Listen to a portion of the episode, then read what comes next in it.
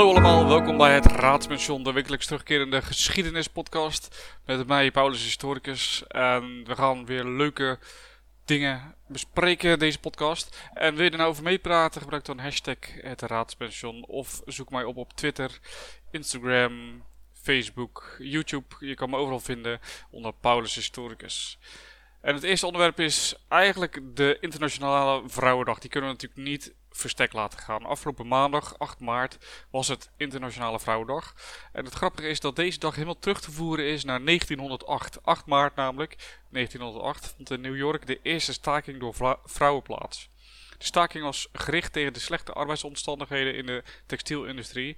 En eh, hij is beroemd geworden door uh, de poëtische verwoording van, van de eis eigenlijk van de vrouwen brood en rozen. In 1910 werd door eh, de Duitse socialiste Clara Zetkin eigenlijk opgeroepen om 8 maart als uh, Internationale Vrouwendag uit te roepen. Uh, ze was in, in Kopenhagen en tijdens, de, tijdens een internationale vrouwenconferentie deed zij dat voorstel. Maar dat, die datum werd niet aangehouden door heel de wereld. In Nederland werd de eerste Vrouwendag gevierd op 12 maart 1912. Dus dat is een aantal dagen later in 1912. Nou, je ziet natuurlijk in 1917 uh, dat er op 8 maart 1917 opnieuw stakingen uitbraken. Vanwege de slechte arbeidsomstandigheden in de textielindustrie. maar dit keer niet in Amerika, maar in het Russische Sint-Petersburg. 1917. voor de historici onder ons weten dat in 1917 uh, de revolutie, de Russische revolutie aan de gang is.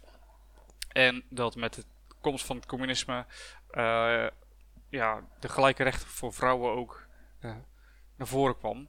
En zij kozen dus dat moment om te gaan protesteren tegen die slechte omstandigheden.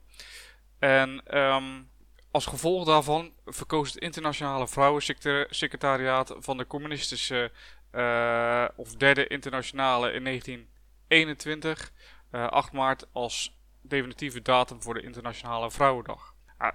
Het grappige, nou, misschien is grappige niet het goede woord, maar het nadeel voor de vrouwen was natuurlijk dat dit in Rusland uh, bepaald was, hè, het communistische Rusland. Dus tijdens de Koude Oorlog zie je ook dat de viering uh, van die Internationale Vrouwendag door veel NAVO-landen ja, toch een beetje uh, met achterdocht werd bekeken als je zeker natuurlijk door hebt dat die tegenstellingen, het communisme tegenover het kapitalisme, uh, ja, die, die, die tegenstellingen waren heel groot. Hè. In Amerika was je al heel snel communist als je het niet eens was met de, met de overheid. Um, ja, en die, dat wantrouwen dat sloeg dus ook weer op die uh, Internationale Vrouwendag. Ja, dat is natuurlijk zonde, zeker voor de vrouwen. Maar het was wel zo. Uh, het was zelfs zo dat in veel kapitalistische landen de dag niet algemeen gevierd werd of überhaupt erkend werd. En dat is natuurlijk wel uh, ja, zonde. En um, op een gegeven moment komt er een tweede feministische golf. De eerste is natuurlijk uh, rond, dat, rond 1917, zowel in Rusland maar ook in Nederland. Hè, mogen vrouwen mogen stemmen. Die hebben vrouwenkiesrecht gekregen na de schoolstrijd. En er komt een tweede feministische golf en dat is in de jaren 60. En uh, tijdens die tweede feministische golf wordt de Internationale Vrouwendag weer volop gevierd. Hè. Vaak zijn het demonstraties, bijeenkomsten of conferenties. En je ziet dat vrouwen uit alle landen uh, en uh, ja, uit verschillende politieke stromingen deelnemen aan die demonstraties of bijeenkomsten. In 1978 werd de Internationale Vrouwendag door de Verenigde Naties erkend als, als de dag voor, voor de vrouwen. En ehm, er zijn nog maar nou, een aantal westerse landen uh, waar er nog steeds weerstand heerst tegen de 8e maart. Maar de 8e maart was dus uh, uh, maandag, Internationale Vrouwendag. En de thema's die vaak naar voren komen zijn natuurlijk economische zelfstandigheid, empowerment, gelijke behandeling, tegen seksueel geweld, discriminatie. Nou ja, dat soort thema's komen altijd naar voren op, op 8 maart. Wellicht interessant om te weten uh, dat in Nederland de Vrouwendag of Lieve Vrouwendag tot zeker in de 17e eeuw uh, op 2 februari gevierd werd. En de naam van die dag komt van onze lieve vrouwen Lichtmes, omdat die dag uh, Maria Lichtmes gevierd werd ter ere van Maria, die ook wel onze lieve vrouwen genoemd werd. Um, dus dat is wel grappig dat Nederland dus al eigenlijk een soort vrouwendag had. In 1999, dat is ook wel leuk weet je, in 1999 werd in Trinidad en Tobago het initiatief genomen tot een internationale mannendag op 19 november. deze dag is natuurlijk niet, uh, niet officieel erkend, maar het grappige is dat in de voormalige Sovjet-republieken uh, 23 februari de dag van de verdedigers van het vaderland uh, gevierd worden. En dat is min of meer een, een mannendag, maar aankomende maandag, 15 maart, is er eigenlijk de tegenhanger van de Internationale Vrouwendag, namelijk Steak and Blowjob Day, maar daarover meer aankomende maandag. Verder is, zijn er nog wel leuke zaken te vermelden, namelijk in Pompeii hebben archeologen een ceremoniële Romeinse wagen gevonden en daarop staan verschillende huishoudelijke afbeeldingen, maar ook erotische afbeeldingen. De onderzoekers spreken van een unieke vondst en ze vermoeden eigenlijk dat die wagen gebruikt werd bij een bruiloft. Dus kan je voorstellen dat je in je limousine met uh, ja, erotische afbeeldingen door uh, de stad rijdt. Dit is natuurlijk een uh, typisch voorbeeld van standplaatsgebondenheid. Hè, met de waarden van nu terugkijken op toen. Dat, uh, dat slaat daar natuurlijk eigenlijk helemaal nergens op. Maar goed. Um, het grappige is, uh, de ontdekking is gedaan in de buurt van Villa Civita Giuliana. Waar vorig jaar nog twee goed bewaarde lichamen gevonden werden. En um, Drie jaar geleden ontdekte men daar ook nog paarden met militaire uitrusting. Dus dat is wel een plek waar ze veel interessante dingen vinden. Um, de ceremoniële wagen heeft vier wielen. En op de zijkanten zijn verschillende bronzen en tinnen afbeeldingen te vinden. Uh, onder meer van mannen en vrouwen in erotische poses. De wagen die uh, wordt komende tijd nader onderzocht in het archeologisch uh, laboratorium. Ik moet eerlijk zeggen, Pompeii staat nog steeds op mijn bucketlist om daar een keer heen te gaan. Ja, nu met COVID kon het natuurlijk niet. Wie weet als we straks allemaal ingerend zijn met een mooi paspoortje, mag ik weer gaan reizen en mag ik daar dan eindelijk een keer een blik werpen op Pompeii. Het is natuurlijk een ja, enorme bron van informatie. Die staat hier een soort tijdscapsule waar mensen gewoon van de een op de andere dag uh, ja, door de vulkaanuitbarsting, waarvan ze, ze wisten niet wat het was, hè, die vulkaanuitbarsting, laat even duidelijk zijn. Dat je niet denkt van waarom bleven die mensen daar nou zijn? Waarom bleven ze daar nou wonen? Waarom gingen ze niet weg? Ze wisten gewoon niet wat het was, een vulkaan en een vulkaanuitbarsting. Um, dus die stad is gewoon door, dankzij die vulkaanuitbarsting, gewoon zo bewaard gebleven. Dat het gewoon een soort tijdcapsule is. Dat is toch, ja, dat is super vet. Alsof je, ja, uh, een kistje in de aarde begraaft met daarin Nee, niet eens. Het is niet eens een kistje die je zelf begraaft. Het is gewoon een soort foto, een, een, een, een stilstaand beeld van hoe het toen was. Ja, super vet natuurlijk. Ja, wat natuurlijk ook super vet is, is uh, iets wat natuurlijk voor jongens vooral veel uh, nogal aanspreekt. En zeker in Jurassic Park, hè, toen die film uitkwam. Het uitsterven van de dinosauriërs. En ze hebben nu toch weet je, het laatste stukje bewijs gevonden dat de dinosaurussen echt zijn uitgestorven door een, uh, door een meteoorinslag uh, in Mexico. Dus een meteoor die is daar geland in Mexico, of geland, ingeslagen. En die heeft eigenlijk voor gezorgd dat, dat de dinosaurussen uitstierven. En ze konden aan de hand van het, van het stofje iridium, dat is een uh, metaal dat eigenlijk weinig voorkomt, uh, maar veel voorkomt in meteorieten, konden ze dat uh, terugrekenen dat er een meteoriet van zo'n 12 kilometer doorsnede dus bij Mexico insloeg. Waardoor er natuurlijk een enorme stofwolk over de aarde eigenlijk uitstrooide. En uh, min of meer in één keer het hele klimaat aan zee hielp. Waardoor die, uh, ja, de, de, groot, de, ja, de dinosaurussen en veel land- en zeezoogdieren. Uh, of zeedieren moet ik zeggen, dat die uitstierven. Ja, en dan komen we eigenlijk een beetje op het, op het hoofdonderwerp van vandaag. En dat, ja, het is quarantaine. we leven natuurlijk in een tijd waar COVID-19, een, een, ja, een pandemie, over de wereld heen eigenlijk dood en verderf site, alles door de war gooit. En uh, we zijn natuurlijk heel erg verbolgen om het feit nu dat we een avondklok hebben. Dat vinden we helemaal niet leuk. Alle maatregelen, anderhalve meter, uh, winkels dicht, alles. ja, dat vinden we gewoon niet leuk. En eigenlijk is het interessant om te zien dat door de geschiedenis heen, ja, quarantaine, zeg maar, opsluiting of afzondering, dat dat vaak ingezet wordt als paardenmiddel om epidemieën te bestrijden.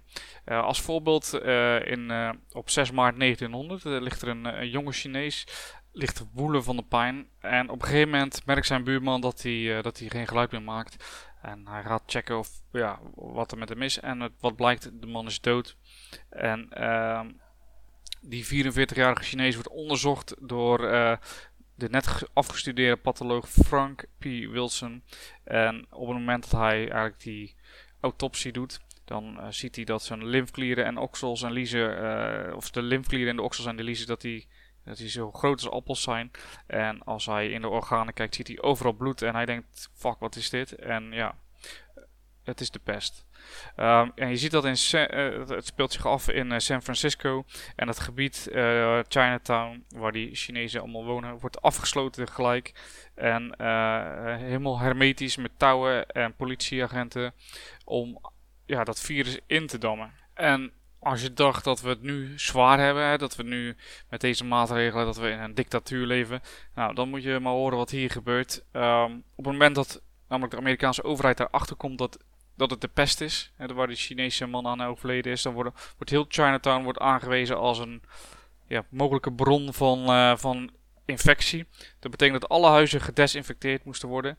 Uh, bewoners worden op straat gezet, hun bezittingen worden verbrand, winkels worden gesloten. En als je ja, verzet tegen de autoriteiten, word je natuurlijk door de politie met uh, knuppels bewerkt. gelukkig zien we dat hier niet. En wat je nog meer niet ziet nu is wat toen wel gebeurde. En dat is dat eigenlijk de meeste Chinezen en Japanners die in San Francisco woonden, uh, gedwongen werden geïnjecteerd met een twijfelachtig vaccin. Uh, een vaccin wat bewezen had uh, in India een aantal sterfgevallen te veroorzaken. en later uit onderzoek blijkt dat heel die uh, injectie dat heel dat vaccin totaal geen bescherming bood. Uh, in juni wordt pas de isolatie van, uh, van Chinatown opgegeven. En niet om uh, medische redenen, maar omdat een rechtbank had bepaald dat de quarantaine de rechten van de inwoners schond. Dus dat is wel interessant dat ook toen de rechtsstaat wel de regering controleerde. In januari 1901 uh, riepen de autoriteiten van San Francisco de hulp in van uh, pestexperts om de situatie te analyseren. En zij concludeerden uiteraard dat het geen zin had om op basis van ras mensen uh, ja, preventief te afzonderen of iets dergelijks. Maar dat het belangrijker was om huizen te desinfecteren en eventueel uh, ongedierte te bestrijden. En toen de pest in 1907 weer opdroog, uh, gingen de autoriteiten in, uh, achter ratten aan in plaats van de bewoners. Dus dat is, hebben ze in ieder geval iets van geleerd. Dus ze hebben ervan geleerd dat je moet luisteren naar mensen die er verstand van hebben. Dus laten we dat vooral ook doen. Het kan ook anders. Honderden jaren na de Zwarte Dood van de 13e eeuw stak de pest nog steeds regelmatig de kop op in Europa. En de machthebbers leerden in de loop van de tijd wel dat het belangrijk was om uh, ja, vermeende mensen met pest buiten de stad te houden. Uh, in Engeland echter besloot er een dorp vrijwillig in quarantaine te gaan. Namelijk in 1665 arriveerde er een uh, wagen met een lading stoffen in het dorp Eyam op de route tussen de Engelse steden Sheffield en Manchester. En uh, er was een kleermakersleerling die uh, de goederen in ontvangst nam. Uh, maar goed, er was een dodelijke verstekeling aan boord. En dat was natuurlijk een vlooi met pest. Of meerdere vlooien met pest. En een week later was, ja, was die kleermakersleerling dood. En binnen een maand lagen er 29 van de 800 inwoners ja, op het kerkhof. Het nieuwjaar werd eigenlijk nog erger toen de, winter afgelopen was. Want dan zie je natuurlijk dat die, ja, dat, die, dat wat vrije spel krijgt. En de pestbacterie nestelde zich in de longen van de inwoners, waardoor ja, vlooien niet meer nodig waren. Maar als je gewoon even hoestte, uh, dat dan uh, ja, die besmetting overgedragen werd. En de plaatselijke predikant William Mompensen zag hoe uh, de ramp eigenlijk zich voltrok. En hij nam gewoon een drastisch besluit. Hij zei: Eam moet van de buitenwereld worden afgesloten om te voorkomen dat de pest overslaat uh, naar andere dorpen en steden. En je ziet dat in een straal van, van een mijl van het centrum de inwoners een, uh, een cirkel van stenen neerlegden. En niemand mocht de steen in of uit. Dus iedereen die de, binnen die cirkel van stenen zat, die moest daar blijven. En andere mensen mochten daar natuurlijk niet naar binnen. Uh, bewoners van dat burige dorpen legden eten op de stenen en namen de ontsmette gouden munten die de inwoners hadden uh, achtergelaten mee. Uh, was in totaal 14 maanden afgegrendeld en 1 op de 3 inwoners bezweek aan de pest. de predikant die we net benoemden, um, Hompensen, die in augustus 1666 zijn eigen vrouw had moeten begraven, beschreef de nachtmerrie in een brief.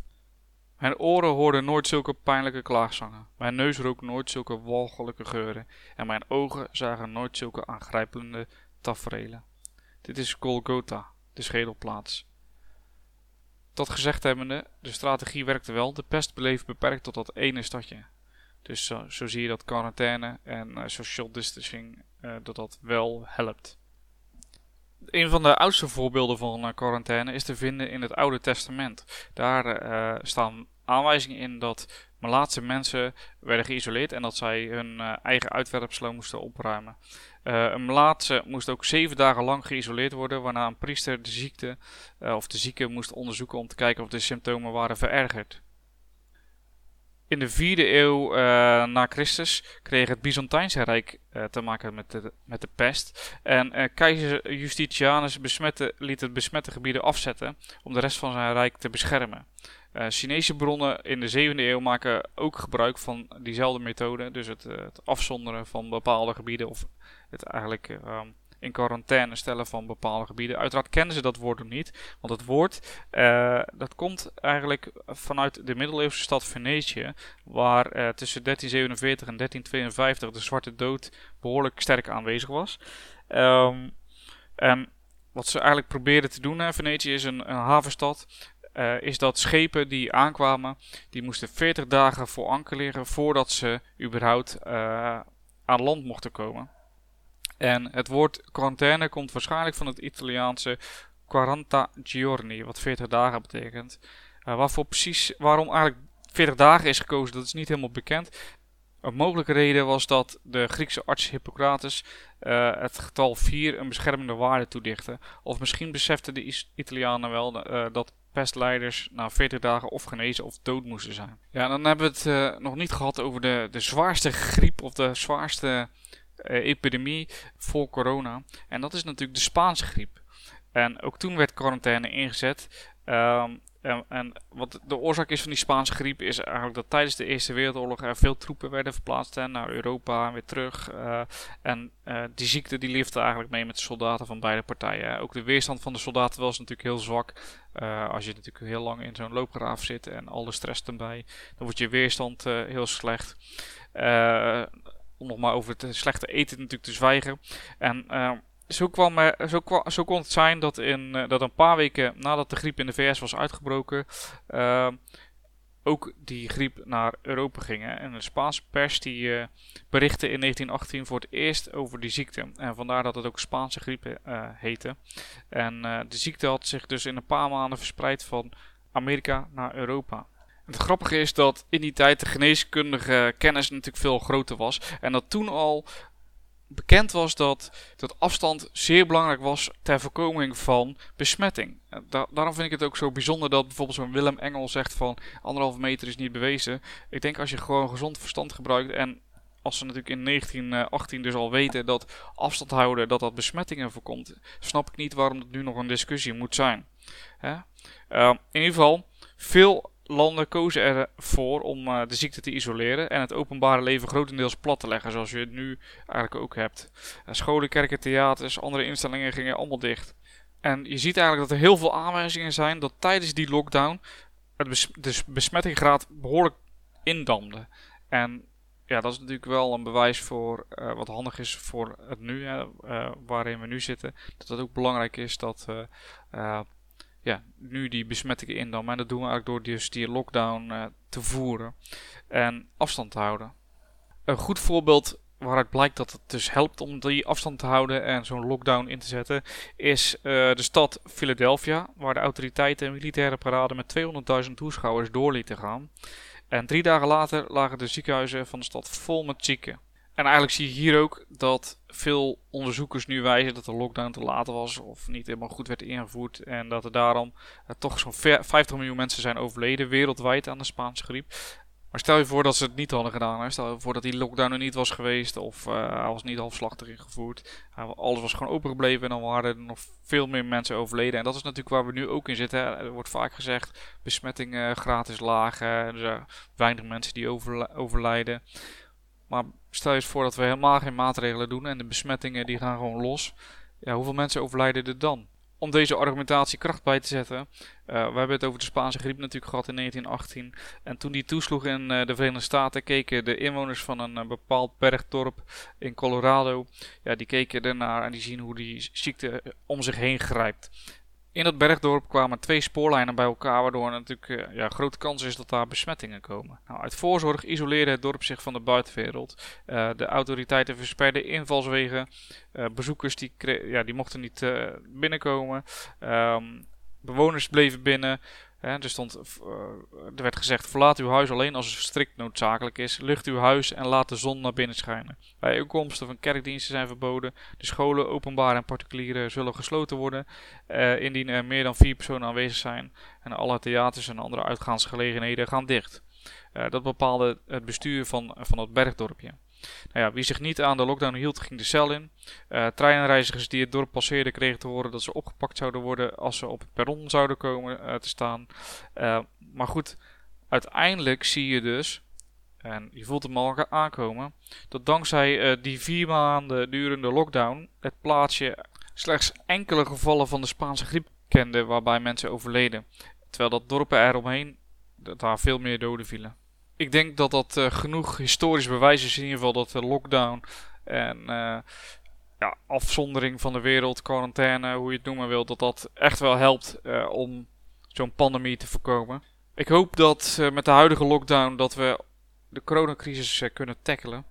En ik hoop ja, dat iedereen die naar deze podcast luistert zich eraan houdt. En uh, ik wens jullie allemaal gezondheid toe. Als je er niet aan houdt, hoop ik dat je met de aantal casussen die ik zojuist heb geschetst. en eigenlijk is, casus niet het goede woord. Met de historische gebeurtenissen die ik nu heb geschetst. Even door hebt dat ja, het kan werken. Het kan helpen tegen een pandemie. Ik hoop dat we snel open gaan. Ik hoop dat we snel het leven weer kunnen hervatten. Ik ga in ieder geval mijn injectie nemen als die wordt aangeboden. En verder rest mij jullie dan alleen nog te bedanken voor het luisteren. Ik hoop dat jullie het interessant vonden. Mocht je nou vragen hebben, stuur dan een mail naar geschiedenis.paulushistoricus.nl. Zoek mij op op Facebook, Instagram, uh, Twitter. Uh, ik ben overal te vinden. En bedankt voor het luisteren en tot volgende week.